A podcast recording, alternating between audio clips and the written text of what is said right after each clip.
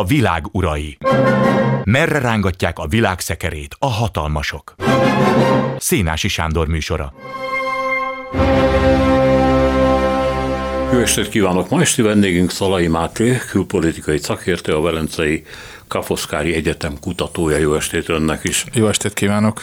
Azt írja egy amerikai jellemző, hogy ebből még nagy baj lehet, hasonlatos a 80-as évekhez, a régen elnök korszakához, ugyanis az Egyesült Államok a Perzsa öbölben egy olyan kiterjedt katonai jelenlétet épít föl, ami természetesen annak van számba, hogy megfékezze vagy visszatartsa az iráni törekvéseket, hogy gyakorlatilag a befolyása alá vonja az egész Perzsa öblöt, és megállítson kedvére, kényére, kedvére olajszállító hajókat, vagy elfoglalja ezeket. De hát ilyenkor ezekből a katonai csapatépítésekből háborúk is szoktak lenni. Most amit ott az amerikaiak letelepítenek, azt ha jól látom, akkor F-35-ösök, mármint repülőgépek, F-16-osok, A-10-esek, hadihajók és több ezer tengerészgyalogos, gondolom valamelyik öbölmenti ország a főbázis onnan fogják monitorozni a Perzsa öblet. De mire az okuk? Igazából az amerikai döntéshozók észrevették azt, amit az ámzők az egész világon észrevettek, mégpedig az, hogy a közelkelten és a közelkelti hatalmi egyensúlyban most nagy átalakulások vannak. Itt kettő folyamatot kell talán kiemelni.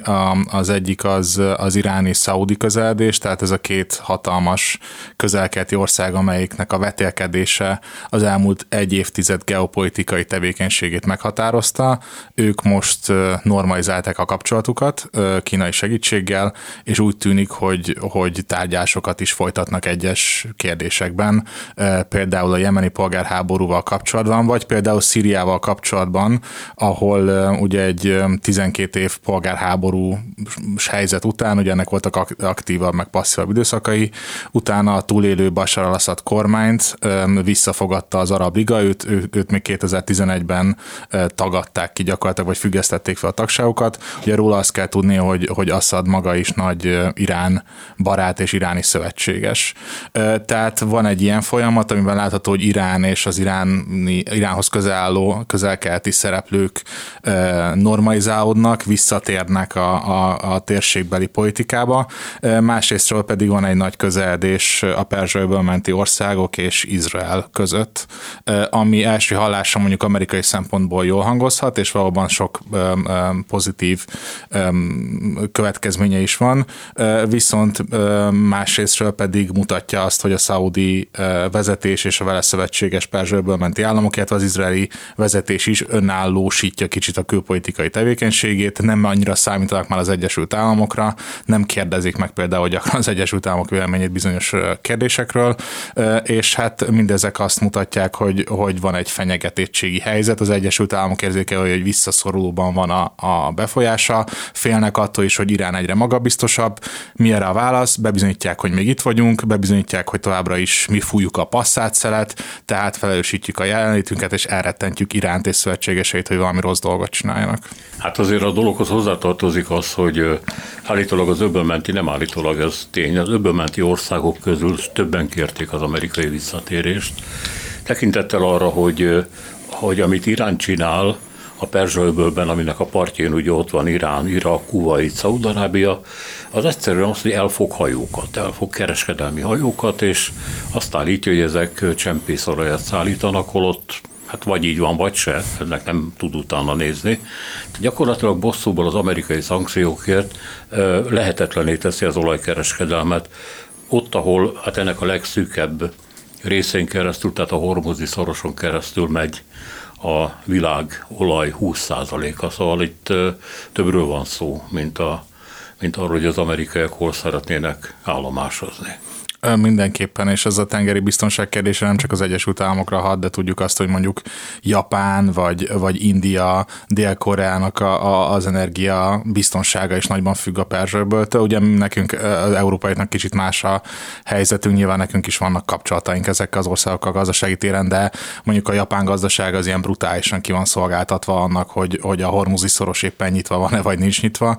Éppen ezért minden olyan iráni kísérlet, vagy bármilyen más kísérlet, amelyik alás a tengeri biztonságot, illetve a hajózhatóságnak a, a szabadságát, az, az, aznak hatalmas következményei vannak a világgazdaságra, Kína, Japán, az Egyesült Államok, India gazdaságára, és hát ettől kezdve ez már nem csak amerikai nagyhatalmi érdek, hogy ez, ez így menjen, de a világgazdaságnak is érdeke az, hogy ez, ez ne eszkálódjon ez a, ez a helyzet.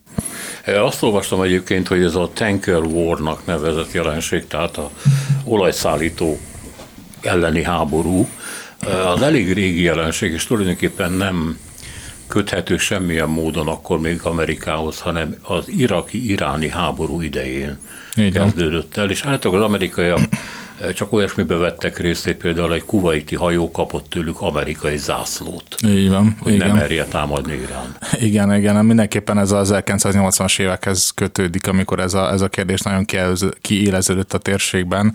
Ugye azelőtt tán azért se tudott volna kiéleződni, mert 1979 előtt Irán amerikai szövetséges volt, tehát ők meg tudták beszélni ezeket a kérdéseket, de utána, amikor egy évvel a, a forradalmat követően 1980-ban kitört az iraki-iráni háború, akkor Irán látta azt, hogy, hogy az ellenfelét Irakot a Perzsőből menti monarchiák támogatják, elsősorban pénzügyi módon, és ezért megpróbált rájuk nyomást gyakorolni, hogy tudjanak róla, hogy, hogy a háború az nem csak Irán és Irak között zajlik messze az öböl monarchiáktól, hanem akár át is terjedhet az ő területükre, vagy az ő érdekeiket sértheti, és valóban ekkor indult el az Egyesült Államok részéről és a regionális szövetségeség részéről az a gondolkodás, hogy, hogy itt valamilyen regionális biztonsági komplexumot, architektúrát kéne építeni. Ez nem épült ki a mai napig. Tehát a mai napig nem lehet azt mondani, hogy van egy, van egy rendszer, egy intézmény, ami felügyelni ennek a térségnek a biztonsági viszonyait. Rengeteg kísérlet van rá. Ugye az öbölnek, a Perzsöbölnek az arab oldalán ott van az öbölmenti együttműködési tanács, a GCC, amelyiknek van ilyen dimenzió, tehát ilyen jellegű párbeszéd is zajlik, de hát ez a hat monarchia, amelyik, amelyik benne van ebben a, a, a közösségben, ő, ő számukra köztük olyan nagy feszültség jelenleg nincs. Ugye volt néhány év, amikor ö, ők is összevesztek egymással, ugye itt a katari blokádra gondolok, amikor Szaudarábia, az Egyesült Arab Emírségek és Bahrein gyakorlatilag blokkád alá vettek Katart, ugye ennek is volt nyilván egy ilyen tengeri ö, dimenziója, de az azt kordában van, volt tartva. Ugye az igazán áttörő kérdés, vagy az áttörő eredmény az lenne, hogyha Iránt és, és Irakot valamennyire lehetne integrálni ebbe, a, ebbe az architektúrába, de erre nincs meg a politikai szándék. Egyébként az elmúlt hónapok hónapokban voltak erre kísérletek, vagy pontosabban plegykák arról, hogy vannak kísérletek arról, hogy valamilyen előrelépés történjen. Egyik oldalról ott van a, a a, az iráni-szaudi kibékülés, ami, ami ugye idén márciusban történt meg, és utána az iráni külügyminiszter, illetve egyéb diplomaták be is járták az öblöt, az öböl menti kisállamokat, ugye Szaudarábiában is volt találkozó iráni és szaudi oldalról, és hát úgy lehetett hallani, hogy ezeken a tárgyásokon szóba került a biztonsági kérdés és a tengereknek a biztonsága, sőt, hát az iráni köztévé, ami mondjuk mm, nem sokkal megbízhatóbb, mint a magyar, azt, azt, azt terjesztette, hogy, hogy, hogy itt valami nagyon komoly előrépés lesz, és rögtön egy ilyen iráni-arab együttműködés fog kialakulni. Ez, ez úgy tűnik, hogy nem történt meg a mai napig, tehát nem, nem láthatjuk azt, hogy, hogy ez kézzelfoghatóvá vált volna. Másrésztről viszont, viszont azt lehet hallani a, a, az emírségi oldalról, hogy ők mindenképpen mozgódnak valamilyen mértékben. Szó volt arról, hogy ők kilépnek az amerikaiakkal, az amerikaiak által felépített koordinációs mechanizmusból, Europol, amelyre szintén még kézzelfogható bizonyíték nincs, csak ők bejelentettek valamit, de, de az se volt egy ilyen teljesen kézzelfogható bejelentés, illetve azt is lehetett hallani, hogy Törökországnak a szerepe fog megnőni ebben a térségben, és Törökország is tervez bázisokat a különböző öbölmenti kis álmokban. Ugye ez most teljesen össze-vissza van ez a helyzet, talán ebből ez teljesen jól kilátszott, fogalmunk nincs, hogy mi lesz a következő években, de az biztos, hogy van nagy mozgolódás. És ez abszolút összhangban van Erdogannak azzal a tervével, hogy ha törik, ha szakad el, nagy hatalmat csinál Törökországból. Így van. De hát ez szerintem azért meg túlságosan nagy falat lenne. De hát ott van Irak. Irak nincs abban az állapotban, hogy valamiképpen beleszóljon ebbe és korlátozza Iránnak a hajó rablásait. Hát nincs nagy befolyása Iraknak a kérdésben, több okból kifolyólag. Ugye nézzünk a térképre, Iraknak a, a kiutása a, a Perzsajből az korlátozott, sokkal kisebb, mint, mint Iránnak, de akár, akár a kisméretű arab monarchiáknak is nagyobb lehet a, a, a kiutása. Ugye egyébként még a 1990-ben, amikor Irak lerohant a Kuwaitot, akkor az egyik oka éppen ez volt, hogy a, a Perzsajből való kiutását azt megnagyítsa. Másrésztről pedig a, az iraki biztonsági erők semmiképpen sincsenek olyan állapotban, hogy, hogy nagyon nagy mértékben belszóljanak. Harmadrészt meg politikailag Irak ki van szolgáltatva az iráni érdekeknek. Láthatjuk azt, hogy néha jön egy miniszterelnök, amelyik távolságot akar tartani Irántól, de, de összességében az iraki belpolitika töredezettségéből és jellegéből adódóan az iraki kormány nem tud szembe menni az iráni érdekekkel teljes mértékben, mert mindig lesz Iránnak befolyása, mindig lesz olyan párt az iraki kormányban, amelyiknek, amelyik ilyen-olyan módon kötődik az iráni rezsimhez.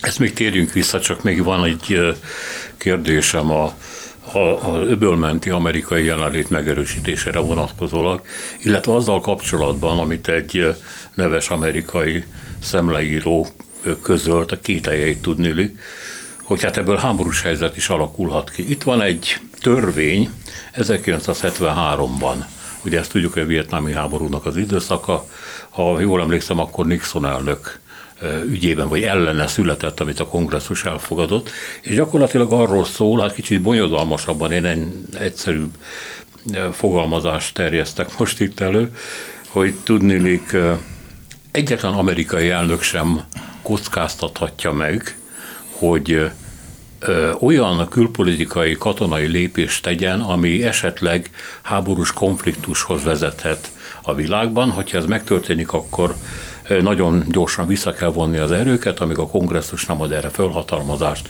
vagy nem mondja azt, hogy tudomásul veszi az elnök lépését. Most ezt hozzák föl, hogy tudnék, Biden elnöknek ez a húzása, ez, ez erősen kockázatos. De igaz-e, vagy ez egy eltúlzott elemzés? Én azt gondolom, egyrésztről az amerikai jogi részében nem szólnék bele, mert ez egy nagyon bonyolult kérdés. Az biztos, hogy, hogy rengeteg amerikai kolléga beszél arról, hogy független attól, hogy az amerikai jog hogy néz ki, egy olyan korban élünk, amikor az amerikai külpolitikára az elnöknek precedens nélküli hozzáférése és felhatalmazása van. Ez nyilván most nehéz teljesen az elmúlt évtizedek fényében ezt értékelnünk, de hogyha ha történelmi perspektívából nézzük, akkor mondjuk a világ, a második világháború világháború óta eltelt időszakot, hogyha összehasonlítjuk az Egyesült Államok korábbi történelmével, ég és föld a kettő. Tehát ma Biden elnök, Trump elnök, Obama elnöknek hatalmas befolyása volt, és a következő elnöknek is hatalmas befolyása lesz, hogy hova, milyen, milyen katonákat küld, vagy hol erősíti meg a jelenlétet. Nyilván a kongresszus próbálja ráhatni, de ez, ez korlátozott mértékű lesz. Másrésztről az, hogy háborúhoz vezethet-e, nyilvánvalóan um, ha vannak katonák egy térségben, akkor rengeteg kockázat kötődik hozzájuk, rengeteg eszkalációs lehetőség.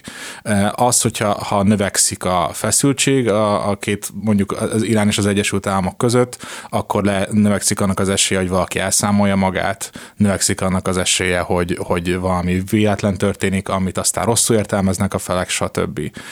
Ugyanakkor ebben az esetben Iránnak is megvan a maga kapcsolata az Egyesült Államokkal, tehát vannak háttérbeszélgetések, katari közvetítéssel, ománi, iraki közvetítéssel, tehát mindenképpen vannak csatornák. Ugye egyébként nem régiben a múlt hónapban sikerült is egy ilyen részleges megállapodásra jutni különböző foglyok elengedéséről Irán és az Egyesült Államok között, tehát nem olyan rossz ma a helyzet, mint mondjuk egy évvel ezelőtt volt.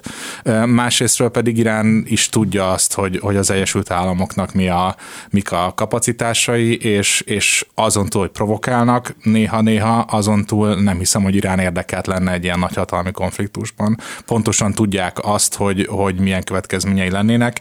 Ugyanez igaz az Egyesült Államokra is. Milyen foglyokról van szó? Igazából nem tudjuk, nem tudjuk név szerint, hogy kikről van szó, de itt ugye az történt, hogy, hogy az Irán és az Egyesült Államok bele egyezett abba, hogy engednek, az irániak elengednek iráni-amerikai kettős állampolgárokat Iránban, akik politikai foglyok voltak, cserébe azért, hogy az Egyesült Államok felszabadít Dél-Koreában lévő iráni forrásokat, ha jól emlékszem, 6 milliárd dollár értékben, amelyeket először, amiket befagyasztottak korábban, és ezeket először Katarba utalják, és Katarba utalják át Iránba. Illetve azt is mondják, de ezt nem lehet megerősíteni ilyen pillanatban, főleg nem Európából, hogy létrejött egy informális megállapodás azzal kapcsolatban is, hogy Irán nem dúsít uránt olyan mértékben, amennyire eddig dúsított. Hát már nagyon közel van a nukleáris fegyverhez, úgyhogy már nem is kell olyan nagyon rohannia. Hát igen. Ez az engedmény, hát nem tudom mekkora engedmény. Menjünk vissza ahhoz, hogy Irak mire képes, illetve hogy mennyire van iráni befolyás alatt. Tulajdonképpen, hogyha körülnézünk a térségben, akkor Irán, mint a térség uraként, hogy áll? Mert arról beszélünk ugye, hogy Szíriában óriási a befolyása, de ez nem jelenti az gyakorlatilag, hogy az ország vezetését is hát arra használja fel, amire akarja. Irakban sem jelenti ezt. Még akkor sem, hogyha a Szabudarábiával történt kiegyezés után, mint a szabad kezet kapott volna. Valahol azt olvastam egyébként, hogy Hát ugye ez a korábbi évtizedek után vicces, hogy a e, szaudi határon a határőr tisztek, amikor iránival találkoznak, akkor széles mosolyal kezet ráznak vele, és azt mondják, hogy de hiszen mi szaudiak, irániak, testvérek vagyunk, boldogok vagyunk, hogy ide jöttél. Ennyi. Ez elég humoros. Igen. Én is egyébként hallottam már az elmúlt hónapokban Irán és Szaudi képviselőket egymás testvérnek hívni, szóval ugye meg, megvan ez a retorika, tehát láthatóan váltottak az elmúlt évek ellenségeskedéséhez képest. Hát ugye Iránnak a, a befolyása, ahogy, ahogyan is mondja, az elmúlt évtizedben megnőtt Szíriában, Irakban, Libanonban és Jemenben elsősorban, ugye ez a négy arab állam, amelyikben ilyen-olyan módokon, ugye sita kisebbségek miatt, vagy szervezeti kapcsolatok miatt megvolt Iránnak a, a a, a lehetősége arra, hogy növelje a befolyását, és e, az arab tavaszt és az azt követő átalakulásokat Irán ki tudta használni, főleg ezekben az országban arra, hogy megnövelje a befolyását. Ezt a befolyását én az, a, a, úgy fogalmaznék, hogy Irán tartja. Nem, nem növekedett az elmúlt években ezekben az országokban, de mindenképpen kiharcolt egy olyan pozíciót, amivel, ha nem is, ahogyan is mondta, nem tudja eldönteni mondjuk, hogy ki legyen Libanon következő kormányfője, nem tudja eldönteni, hogy Szíriában Assad mit döntsön egy adott kérdésben, de hogyha ezek a politikai szereplők olyan döntést akarnak meghozni, amelyek ellentétes iráni érdekekkel, akkor ezt Irán nagyon könnyen meg tudja akadályozni. Ugye igaz ez Szíriára, Irakra, Libanonra és egy bizonyos szempontból Jemenre is, ahol a, a, a, abban a polgárháborúban az Irán a, a húszi felkelőket támogatja, ők nincsenek kormánypozícióban, és, és nincsenek olyan helyzetben, hogy nagy stratégiai politikai döntéseket hozzanak az ország sorsáról, de mondjuk a húszik nem tudnának megállapodni Szaudarábiával, amelyik a jemeni központi kormány nagy támogatója, anélkül, hogy az irániaktól ne kérnének engedélyt. Én azt gondolom, hogy, hogy az elmúlt években ugye az Egyesült Államok látta azt, hogy hogy, van egy ilyen iráni befolyás növekedés, amelyekre, amelyre válaszul rengeteg szankciót vetett ki Iránra, és próbált az Irán ellenes szövetségeket megerősíteni de, de ezek csak részben jártak sikerrel. A szankciók hatásáról azt lehet látni, hogy, hogy Iránnak sikerült kikerülnie nagyon sok szankciót, rengeteg fekete piaci üzlet születik, ugye például egyébként Dubajon keresztül az irániak nagyon sok mindenhez hozzáférnek, kínaiak segítenek Iránnak ahhoz, hogy, hogy el tudják adni az olajukat, stb. Tehát vannak bevételek, és van egy gazdasági növekedés Iránban, ugyanakkor persze sok belső feszültség is van, de eddig azt mondhatjuk, hogy a szankciók nem az iráni külpolitika mozgásterét korlátozzák, hanem a belpolitikai eh, mozgásterét és a, és a, és a társadalomnak az, az életszínvonalát csökkentik, tehát nem annyira a jól működő szankciók ebből a szempontból. Ugye most eh, Irán érezte azt, hogy, és kihasználja azt, hogy rengeteg eh, partnere, például Szaudarábia, például az Egyesült Arab Emírségek érzi azt, hogy az a légkör, ami kialakult az elmúlt egy évtizedben, az nagyon ellenséges légkör, bármikor kirobbanhat egy háború, stb. Ez a légkör nagyon jó rosszat tesz a, a, a, a biztonságnak, nagyon rosszat tesz az egyes országok gazdaságának. Ugye mindegyik olaj monarchia éppen diversifikálni akar és akarja a külföldi tőkét bevonzani. Ebben a helyzetben mindenki elkezdett deeszkalálni egy picit, tehát csökkenteni a feszültségeket. Mindenki nyitott egymás felé. Ugye már említettem Szíriát, említettem Iránt is korábban. Irán úgy tűnik, hogy ezt a helyzetet nagyon jól ki tudja használni. Tehát ők is érezték, hogy most annak van itt az ideje, hogy leüljenek tárgyalni, és ezáltal befolyást tudjanak szerezni. Nyilván ezzel nem fognak a szaudi külpolitikára nagyon nagy hatást gyakorolni, de azt mindenképpen meghatározták, hogy tudjanak, Irán, vagy tudjanak Szaudarábiával beszélni, és adott esetben tudjanak koordinálni is bizonyos kérdésekben, például ugye Szíria kapcsán. Tehát mindezekből azt lehet látni, hogy Irán okosan kihasználta azt a helyzetet, amikor háborúzni kellett, és most ki tudja használni azt a helyzetet is, amikor tárgyalni kell. Ez a határmenti kis történet, hogy tudnék, iráni-szaudi két jó testvér, azt azzal kapcsolatban írta meg valamelyik amerikai forrás, hogy, hogy hozzátették, hogy hát ez mondjuk a jemeni-szaudi határon másként történik, mert a menekülőket néha gépágyúval lövik szét valaki, aki túlélte, azt mondta, úgy robbantak föl mellettem az emberek, mint a paradicsomok. Mm. És nagyon sok egyébként Etiópia északi részéről Tigri tartományból való menekült, akiket áthajóznak a szoroson, ugye Adembe, a Jemen legfontosabb kikötőjébe, és aztán nyomják őket a emberkereskedők északra, ahol a csempész utakat elállják a szaudi katonák, és lövik szét őket. Hát ez csak egy Úgy van. kis üzé. E, azt akartam még megkérdezni, hogy de mivel éri el Irán ezekben az országokban, hogy voltak éppen az ő akarata érvényesüljen olyan kérdésekben, amikor úgy érzi, hogy egy szuverén döntés sérteni Teherán érdekeit fegyveres milíciái, valami jelen vannak ezekben az országokban, vagy más módon? Igazából Irán nagyon ügyesen játszotta azt a stratégiát, hogy, hogy a meglévő kulturális, társadalmi, politikai kapcsolatait felhasználja ezekben az országokban arra, hogy szövetségeket építsen. Nyilván mondjuk Irak és, és Szíria az két különböző eset. Libanonban nincs polgárháború, ugyanúgy, mint például Szíriában. Libanonban a, a, ugye a, a, a, síta, a legfontosabb síta párt a Hezbollah, ami, ami a 80-as évek óta létezik, és szoros iráni kapcsolatokkal rendelkezik. Ma a Hezbollah egy nagy támogatottságú politikai szervezet, azon túl egy katonai szervezet is, és gyakorlatilag ma már nem lehet nagyon úgy kormányozni Libanonban, hogy a koalíciónak legyen tagja a Hezbollah. Itt Iránnak nem kell fenyegetnie, egy puskát nem kell ellőni, ahhoz, hogy a Hezbollahon keresztül befolyásolja a libanoni politikát. A Irakban már kezd kicsit erre hasonlítani a helyzet. Ugye Irak az elmúlt két évtizedben hatalmas válságokat élt át, ugye kezdve az amerikai invázióval, folytatva az iszlám állam elleni háborúval. Most egy kicsit nyugodtabb a helyzet. A Irakban is koalíciós kormányok váltják egymást. Ugye itt is vannak mindenfajta politikai válságok, de mai napig is az iraki kormánykoalíciónak a legnagyobb részét olyan politikai pártok adják, adják, amelyek, amelyeknek vezető Iránnal szoros kapcsolatban vannak, és egyébként ott már megjelennek a fegyverek sokkal nagyobb mértékben, hiszen ezek a, ezekhez a pártokhoz nagyon gyakran kötődnek különböző milíciák, amelyek az országnak a különböző részein meghatározó szerepben vannak. Ehhez képest egy picit Más modell szerintem Szíria, ahol van egy nagyon önfejű és egyébként nagyon független elnök, Bashar al-Assad, amelyik túlélte az elmúlt évtizednek a polgárháborúját, brutális eszközöket használt, ugye vegyi fegyvereket is vetett be a saját lakosságával szemben, és ő azt a tanulságot vonta le ebbe az évtizedbe, hogy nem szabad kompromisszumokat kötni, és folyamatosan azt kell mutatni, hogy mennyire magabiztos vagyok, és mennyire erős vagyok.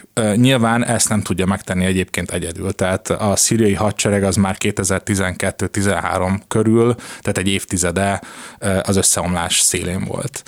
Nem akarja Assad mutatni, de, de ahhoz, hogy ő túléljen, szüksége van egyrészt az orosz katonai segítségre, másrészt az iráni katonai segítségre, a harmadrészt pedig helyi milíciáknak az aktív támogatására. Tehát a szíriai hadsereg nincs ott az összes városban, én szerintem Damaszkuszban sincs minden egyes katonai ellenőrző ponton a hivatalos hadsereg, hanem kis helyi milíciák vannak, vagy például iráni támogatású milíciák. És így, hogyha ha Irán azt tudja pontosan, hogyha Irán úgy döntene, hogy na, akkor most kivonjuk ezeket a katonákat, vagy átcsoportosítsuk, akkor, akkor az Assad uralmat lévő területeken a biztonság az összeomlana. Így nem kell aktívan fenyegetnie, nem kell aktívan beleszólnia, Assad pontosan tudja, hogy, hogy, hogy kikre támaszkodik. Hát gyakorlatilag akkor az az Irán, amelyik a térség jelentős részét manipulálni és befolyásolni tudja, és hát sok kérdésben gyakorlatilag egyedüli úrként viselkedhet és dönthet. A vele szemben álló Egyesült Államok visszavonulása vagy meggyengülése az, ez egy áldás, de kérdés, hogy miért következett be. Ön említette a beszélgetésünk elején azt, hogy itt túlságosan sok ország nőtt föl és erősödött meg, és döntötte el, hogy nem fog az amerikai tervek szerint játszani a továbbiakban, szuverén lesz, szuverén módon köt szövetségeket, akár amerikai érdekekkel szemben is, és ez, ez folyik láthatóan, de kérdés, hogy van ebben amerikai hiba, tévedés, amit az Egyesült Államok elkövetett. Hát attól függ, mennyire akarunk visszamenni az időben, gondolom olyan nagy mértékben nem, de természetesen rengeteg tévedés volt mögötte, én azt gondolom. Tehát nyilván a, a 2003-as iraki beavatkozást mindenki fel szokta vetni ebből a szempontból, hogy egy hatalmas hiba volt az amerikai jelenlét szempontjából. Ezen túl az elmúlt, az elmúlt évtizedben is lehet rengeteg példát mondani. Ugye főleg Obama kormányzatához köthetjük azokat a hibákat, amelyek ahhoz vezettek, hogy az Egyesült Államoknak a katonai politikai ereje az nagyon durván megkérdeződött a térségben. Ugye mik voltak ezek a hibák? Az egyik hiba például az volt, amikor 2011-ben a libiai beavatkozást az Egyesült Államok Franciaországgal és Nagy-Britanniával lefolytatta, úgy, hogy kért hozzá az ENSZ biztonsági tanácsában ehhez támogatást Oroszországtól és Kínától. Ugye elképzelhetetlen van már, hogy ilyen történjen, hogy Oroszország és Kína akárcsak passzívan is hozzájárulna egy nyugati beavatkozáshoz egy közelkeleti országban, de akkor ezt megtették, azzal a feltétellel, hogy jelezték, hogy, hogy figyelünk, figyelünk, hogy mit kezdtek ezzel a mandátummal. Túl fogtok-e terjeszkedni a mandátumon. Ugye egy, egy ENSZ biztonsági tanácsi határozat arra nem szólít föl, vagy arra nem jogosít föl, hogy, hogy egy országnak a vezetőjét megöljék, hanem arra szólít föl, hogy, hogy a humanitárius helyzetben, vagy minden szükséges eszközt megtegyék azért, hogy egy agressziót megakadályozzanak, vagy hasonlók. E, ezzel szemben Líbiában ez a nemzetközi nyugati koalíció aktív, hoz, aktívan hozzájárult ahhoz, hogy Muammar al-Gaddafi meghalljon Líbia diktátoraként. E, ez ebben a helyzetben Oroszország és Kína is azt látták, hogy az Egyesült Államokkal nem szabad együttműködni, nem szabad elhinni azt, hogy az Egyesült Államoknak korlátozottak az érdekei.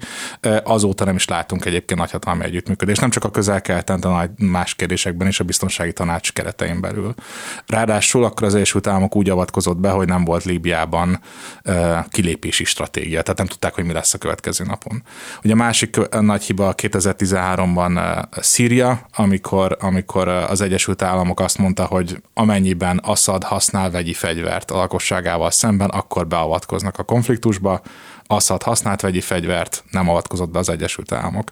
A, ahogy hogyha az ember beszélget öbölmenti török-izraeli döntéshozókkal, vagy tanácsadókkal, ők mind el fogják mondani ezt, hogy ez a 2013-as hiba, az, hogy, hogy az Egyesült Államoknak volt egy vörös vonala, tehát egy ilyen e, e, deklarált feltétele a beavatkozásnak, ezt azt mondták, hogy ekkor és ekkor beavatkozunk, ezt nem tették meg, ettől kezdve az Egyesült Államok szava hihetőségébe való hit az nagyon durván lecsökkent. Ezt használta ki például 2015-ben Oroszország is. Oroszország ugye fegyveresen beavatkozott az Assad kormány mellett Szíriában, és tudta, hogy a 2013-as helyzetből kiindulva, és erre alapozva azt gondolta, hogy az Egyesült Államok nem fog beavatkozni, jól gondolta.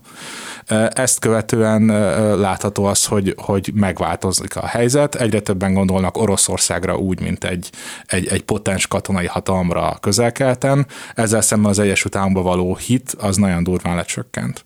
És akkor még azt hozzátenném egy következő és talán utolsó hibának, ami egyébként adminisztrációkon, kormányokon átív az Egyesült Államokban, hogy, hogy a hagyományos szövetségeseit nem, nem támogatja olyan mértékben, és nem kérdezi meg őket olyan mértékben, mint gondolnák, vagy szeretnék ezek a felek. Ugye Szaudarábiát, az Egyesült Arab Emírségeket is érte támadás az elmúlt öt évben Jemen részéről, tehát a huszi lázadók részéről. Ők azt várták volna, hogy az Egyesült Államok megvédi őket, vagy, vagy támogatja az ő jemeni beavatkozásokat a huszikkal szemben. Ez nem történt meg. Az Egyesült Államok nem is adott ki, mit tudom, 24 óráig nyilatkozatot, amikor az Abu Dhabi repteret megtámadták ettől kezdve ezek a, az álmok úgy érzik, hogy nekik lehet, hogy nagyon jót vannak az amerikaiak, maradjanak is ott, de nekünk muszáj máshova is pillantanunk, mert nem bízhatunk meg Washingtonban. Hát lehet, hogy a második világháború utáni Pax Americana rendszer, tehát amikor Amerika, ahogy többen fogalmaznak, a világ csendőre volt, akkor sokkal kevesebb konfliktust kellett elfolytani, mint most. Egyszerűen, ha az ember belegondol, hogy Amerika most hol köteleződik el, egyrészt ugye Ukrajnában, és látszik, hogy az amerikai tartalékok kezdenek kimerülni, mert olyan mértékben kell főleg lőszerrel ellátni az országot. A másik az természetesen a Kínával folytatott versenyfutás, amiben őrült pénzeket kell ölni, és a szankciók miatt ugye Amerika is veszít, vagy mondjuk az amerikai fogyasztó sokat veszít, hogy nincs elég verseny a piacon, és többet kell fizetni a termékekért. Elköteleződés most a Perzsa-öbölben, elköteleződés Tajvan mellett, és mindegyik nagyon forró, tehát ilyen hotspot, ahogy mondják, helyszín, amire sokat kell tölteni, és nem lehet tudni, hogy mi lesz holnap. E, ez teljesen így van, és amerikai szempontból ez, ez teljesen uh, jogos és, és érthető lépések sorozata vagy stratégia. Így szokták fölvetni ezt a fogalmat, amit uh, hanyatlásmenedzsmentnek ismernek, tehát az Egyesült Államoknak menedzselnie kéne a saját hanyatlását, ami talán egy kicsit erős, mert a hanyatlásról talán nem beszéltünk, ugye a Perzsa a biztonságát továbbra is az amerikai uh, haderő határozza meg, tehát ez nem fog a következő időszakban sem megkérdőjelződni ugyanakkor kétség kívül az Egyesült Államoknak menedzselnie kell az érdeklődéséből, a politikai akaratból, illetve az erőforrások hiányából adódó következményeket.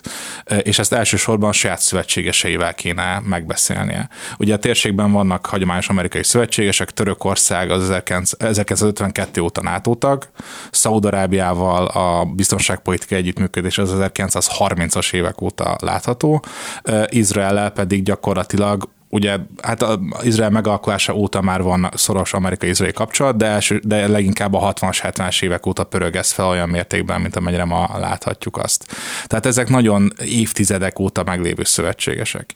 Ha megnézzük az aktuál politikai híreket, nem csak a Biden kormánya alatt, de korábban Trump kormánya alatt és Obama kormány alatt is, melyik országokkal vannak feszültsége az Egyesült Államoknak, Törökországgal, Izraellel, Szaudarábiával. Ugye ennek rengeteg politikai oka van, kezdve a különböző kormányzati rendszerekből, a izraeli török szaudi belpolitikai fejleményekből. Úgy tűnik, hogy az Egyesült Államok, mint hogyha ha elvárná a szövetségeseitől, hogy legyenek jó szövetségesek, továbbra is tartsák tiszteletben az amerikai érdeket, érdekeket, de cserébe azért ők, hogyha mondjuk egy, elnök, egy amerikai elnöknek úgy hozza a belpolitikai helyzet, hogy jól oda akar szólni Szaudarábiának, akkor ezt megtehesse, és ugye, ahogyan is mondja, vonhassa ki a, az erőforrásait, és értse meg például azt Szaudarábia, hogy, hogy az Egyesült Államok a csendes óceáni térségre akar fókuszálni, tehát kiegyezik Iránnal, anélkül, hogy abba bevonnák Szaudarábiát. Ezt a helyzetet érthető módon a helyi szövetségesek nem nagyon nézték jó szemmel. Mennyire tekintettel a kiváló orosz-iráni katonai együttműködés, amiből hát millió még más dolog is következik természetesen. A térséget jelentős mértékben uraló vagy befolyásoló Irán milyen módon húzza be esetleg Oroszországot a közel-keletre? Tehát van -e ennek a orosz-iráni kapcsolatnak egy olyan következménye is, hogy az orosz jelenlét ismét megnövekszik a közel mert ugye volt már egy nagyon erős a Szovjetunió idején. Én azt gondolom, hogy nem is kell Iránnak behúznia Oroszországot, abból a szempontból, hogy, hogy Oroszország már ott van. Ugye említettem Szíriát, ahol 2015 óta nagyon nagy mértékben jelen vannak az oroszok. Előtte is egyébként voltak ugye orosz bázisok Szíriában, de most összehasonlíthatóan nagyobb erőt képviselnek az oroszok. Ráadásul ezek, ez, az, ez a hivatalos orosz hadsereg volt, nem a, nem a Wagner csoport és más erők, ez a hivatalos orosz hadsereg volt, tehát itt nem is nagyon okozott fennakadást az elmúlt hónapoknak az esemény sorozata. Itt e, ez a szíriai jelenlét, ez önmagában egy nagyon e, nagy katonai befolyást jelent. Ezen túl pedig látható az, hogy, hogy máshol is jelen van az, máshol is jelen van az orosz hadsereg, illetve a különböző ugye, hozzá kötődő csoportok. Ugye Líbiát szokták említeni ebből a szempontból, de, de másokkal is, például Egyiptommal együttműködik katonai szempontból, vagy katonai téren Oroszország. Ráadásul ugye a, a, hatalmas orosz kőolaj export miatt továbbra is Oroszország az egyik meghatározó olaj, vagy a meghatározó szereplő az olajpiacon, ezért Szaudarábiával és szomszédjaival, akik szintén nagy olajexportőrök, velük természetesen van egy együttműködés. Ugye ezt ma OPEC plusz formátumnak hívják, és ez például egyáltalán nem kérdőjelződött meg az elmúlt időszakban sem, az ukrajnai háború ellenére sem. Tehát Szaudarábia ugyanúgy fog együttműködni Oroszországgal ezekben a kérdésekben. Ugye látható az, hogy Iránt meg nem is említettem. Tehát Irán, persze az iráni-orosz kapcsolatok mélyülnek, erősödnek, de arról is vita van egyébként, hogy, hogy ez mennyire egy hosszú távú stratégiai döntés Irán részéről, mert azért Irán csak kell félteni azzal kapcsolatban, hogy milyen rossz emlékeik vannak a Szovjetunióról. Másrészt pedig, pedig az, hogyha Iránnal egy, fokozódik az együttműködés, az, az a közel-keleten szerintem nem fog hatalmas orosz befolyás növekedéssel járni. Ugye Iránnak a mostani helyzet ellenére is azért még van egy izolált helyzete, még nem szeret vele mindenki együttműködni, és persze most nyitogatja a szárnyait, a diplomáciai szárnyait, Szaudarábia, az emisségek és más felé, de önmagában szerintem ez az együttműködés még nem azzal fog járni, hogy Oroszországnak hirtelen megnőne a mostani helyzethez képest is a, a, a befolyása.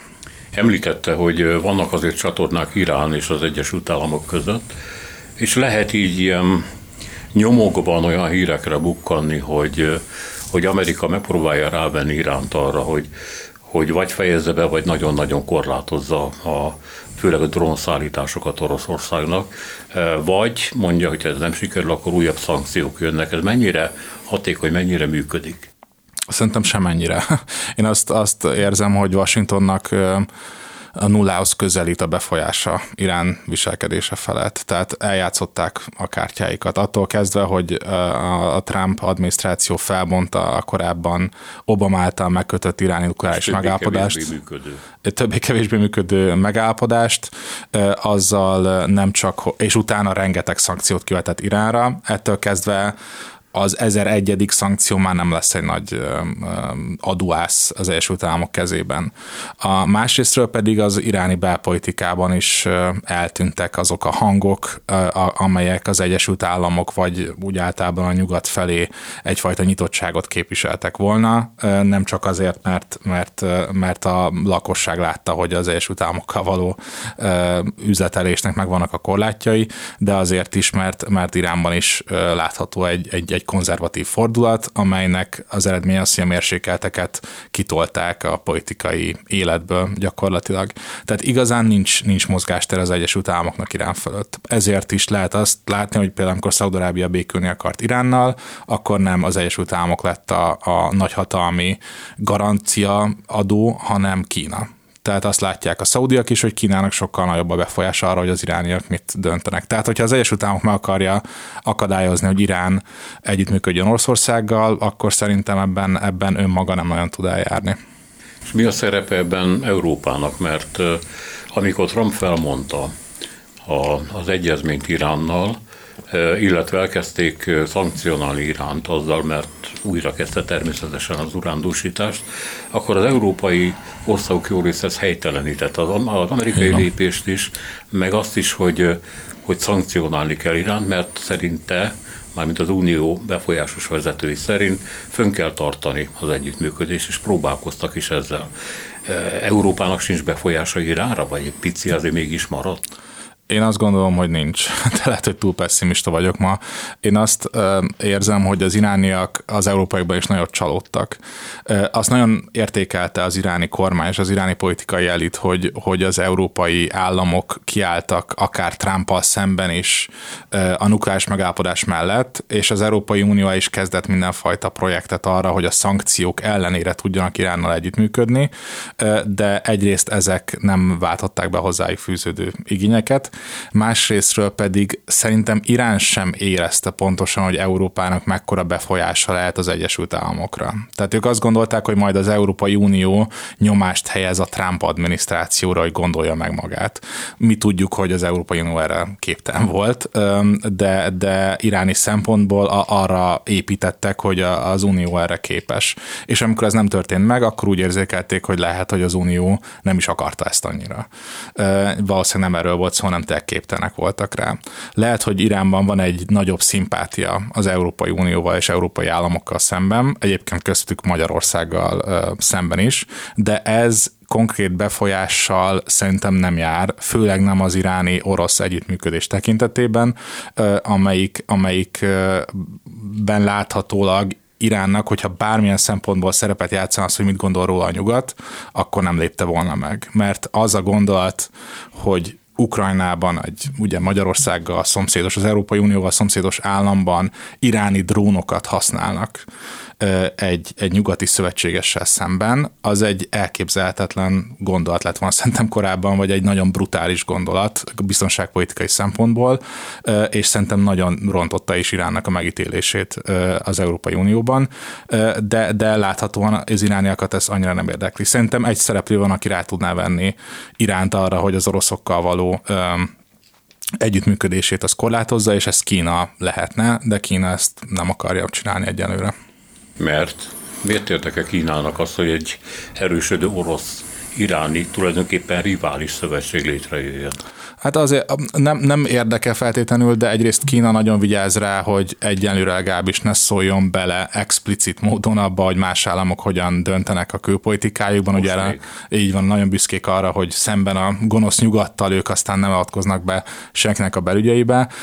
Másrésztről ők pontosan érzékelik azt, hogy Oroszország gyengül, és Oroszország egyre inkább kiszolgáltatott egyébként Kína felé is, és szerintem ők nem érzik egy rivális is szövetségnek az orosz-iráni közed. És már csak azért sem, mert Iránban is, hogyha megnézzük, hogy milyen viták vannak a politikai elitben, orosz, az orosz együttműködésről vannak viták, már említettem, hogy a történelmi feszültségeket, stb., de a kínai együttműködésről nincsenek nagyon. Tehát Kína, az, hogy Kína és Irán együttműködik, az egy, azt konszenzus övezi, azt, hogy Oroszországgal mennyire kéne együttműködni, az már sokkal vitatottabb kérdés.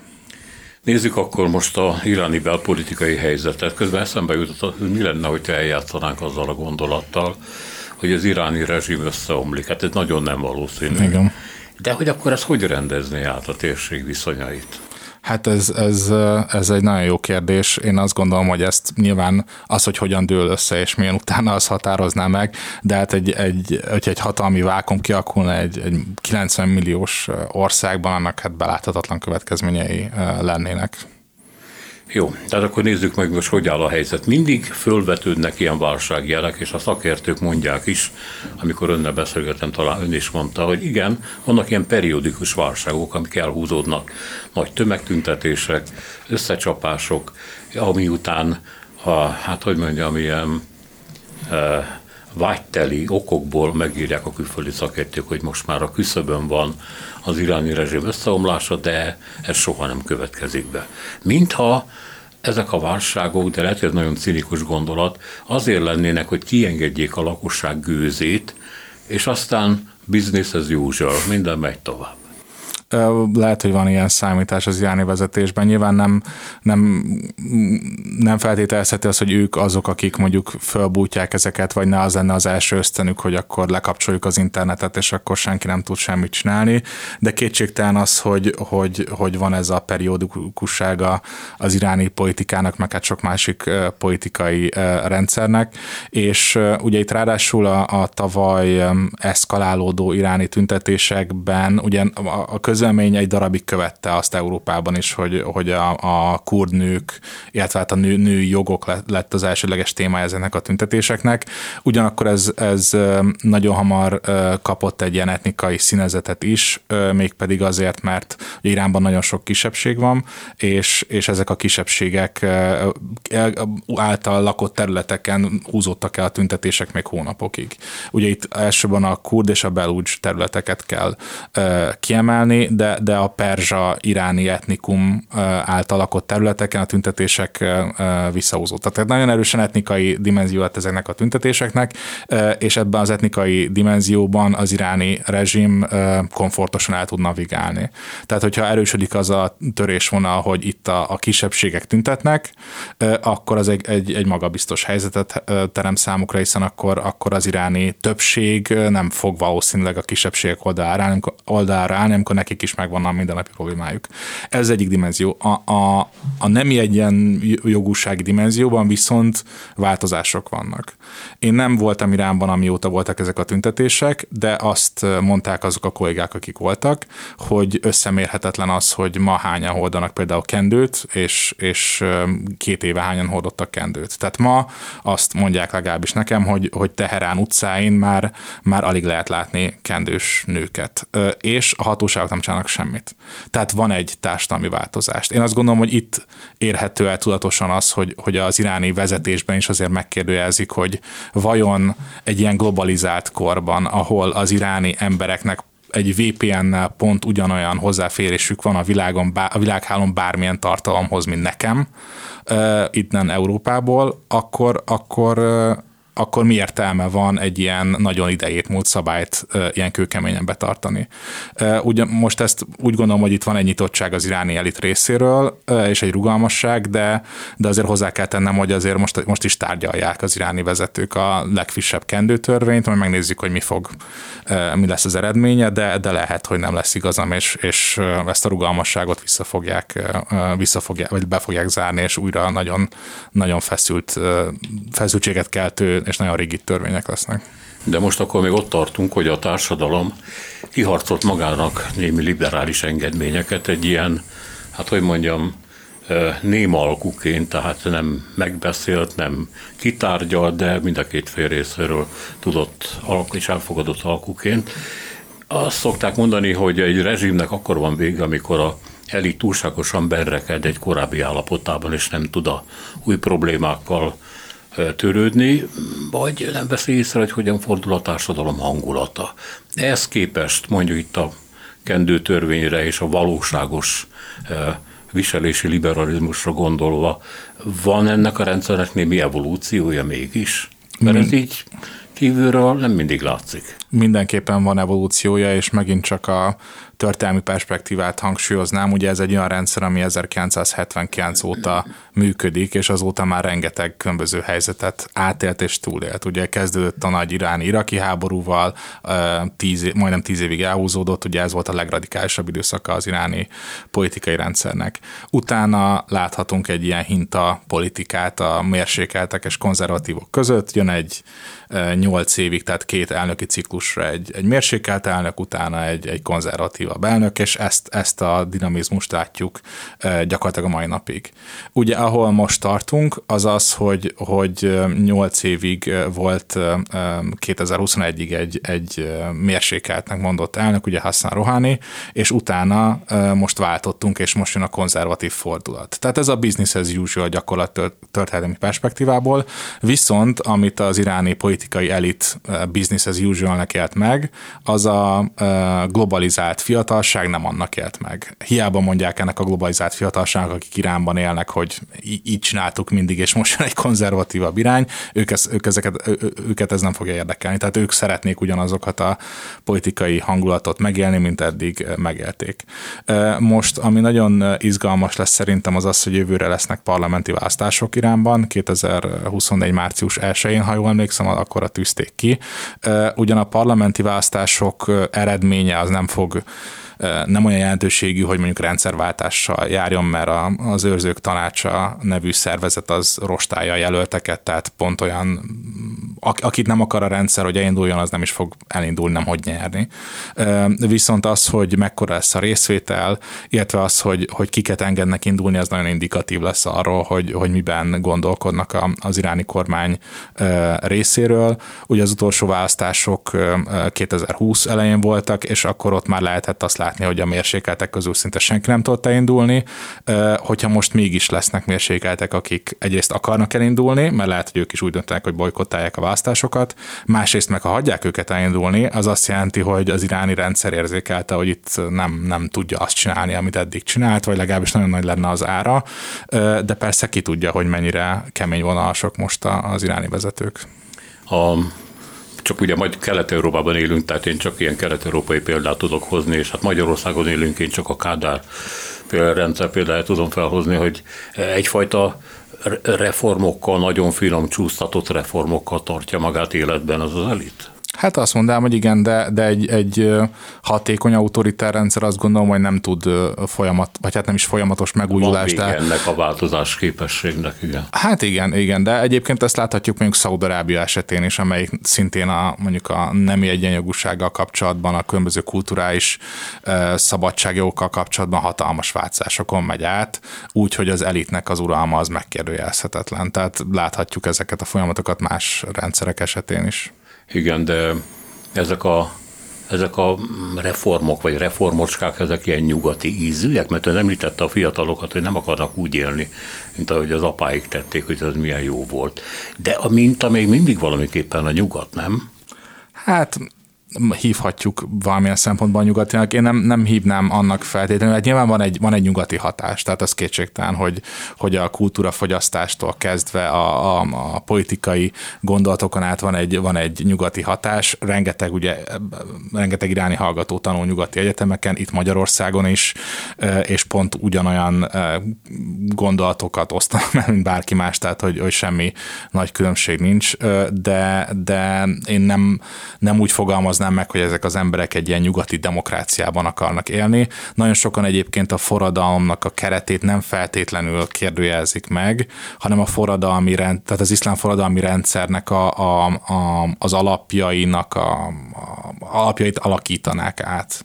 Az, hogy, az, hogy Irán kiáll például a gyarmatosítással szemben, kiáll az Egyesült Államokkal szemben, ezek nagyon népszerű dolgok tudnak lenni. Emlékszem, amikor, amikor Donald Trump elnök mondott valamilyen nagyobb beszédet, amikor újabb szankciókat hozott az iráni rendszerrel szemben, és lehetett látni azt, hogy az irániak közösségi médián nagyon örülnek, sokan, sok ellenzéki nagyon örül annak, hogy, hogy az Egyesült Államok szankciókat vett ki a rendszerrel szemben, de aztán Trump elnöknek volt egy ilyen hát a kis retorikai hibája, hogy a perzsa öblöt, ami ugye Magyarországon perzsa öböl, angol is egyébként perzsa öböl, de ezt Trump elnök arab öbölnek hívta, akkor hirtelen mindenki kiakadt, hogy hát ezt hogy képzelik, hogy tehetik ezt meg velünk.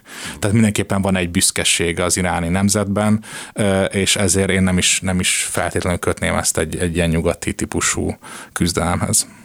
Köszönöm szépen, hogy itt volt nálunk. Én is köszönöm.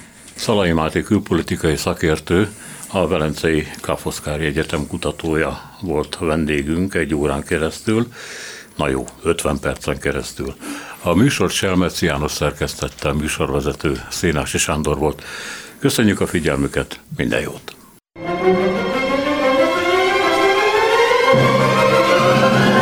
A Világ Urai című műsorunkat és Szénási Sándor műsorvezetőt hallották.